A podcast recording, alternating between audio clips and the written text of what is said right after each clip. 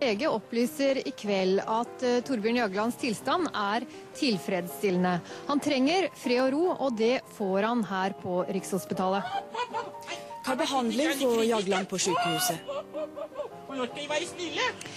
Jo, søndag 15. januar 2002. Mer enn 14 år har gått, men de av oss voksne nok til å huske datoen, husker også en av de største TV-begivenhetene på denne siden av årtusenskiftet. Bakgrunnen? En langvarig politisk konflikt. Innad i Arbeiderpartiet foregikk en vond strid om rollen som partileder.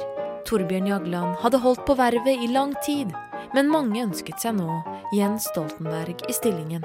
Etter mye utmattelse, i stor grad påført av et hardt personfokus i mediene, hadde Jagland fått et illebefinnende og ble snarlig sendt til Rikshospitalet for akutt behandling. Altså, øh, det legen sier, er at de gjerne vil ha han til observasjon til i morgen. Og så vil da øh, Også dette sørget mediene for å dekke med gode marginer.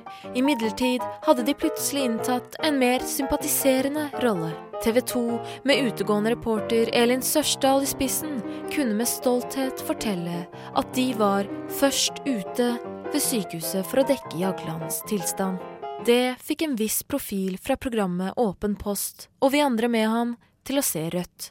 I det som nå er kjent som Kyllingstuntet, dro NRKs Bård Tufte Johansen og resten av oss til Rikshospitalet med en kyllingdrakt for å kuppe direktesendingen. Uh, han har jo ikke fått noen spesiell uh, diagnose, og det, dere ser bak meg at det er noen som ikke har uh, Resten er historie. Det var tross alt et umiddelbart historisk øyeblikk. Overskriftene kom med det samme, og uansett hvor du var i kyllingdrakten, er det noe du aldri kommer til å glemme. Det blir tatt prøver og gjort undersøkelser, det man syns er nødvendig. Og blir, han blir overvåket av kvalifisert personell. Selvsagt var det imponerende nok i seg selv at mediekritikk kunne komme i form av en klukkende kylling. Men stuntet hadde aldri latt seg gjennomføre uten nøysom koordinasjon fra en bråte mennesker inni. Reaksjonene lot ikke vente på seg.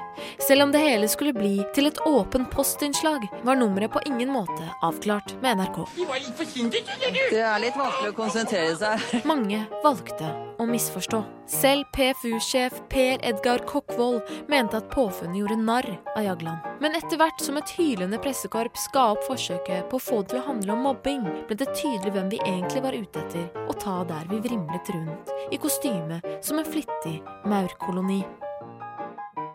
Anno 2016 huskes kyllingstuntet som et stykke satire av ypperste klasse. I disse dager er Bård Tufte Johansen kanskje best kjent, men uansett hvor i drakten du var, er du like, om ikke mer, ansvarlig enn den folkekjære humoristen for en legendarisk bit av norsk TV og humorhistorie. Det er blitt sagt tidligere at uh, han skal skrives ut i morgen. Står det fast?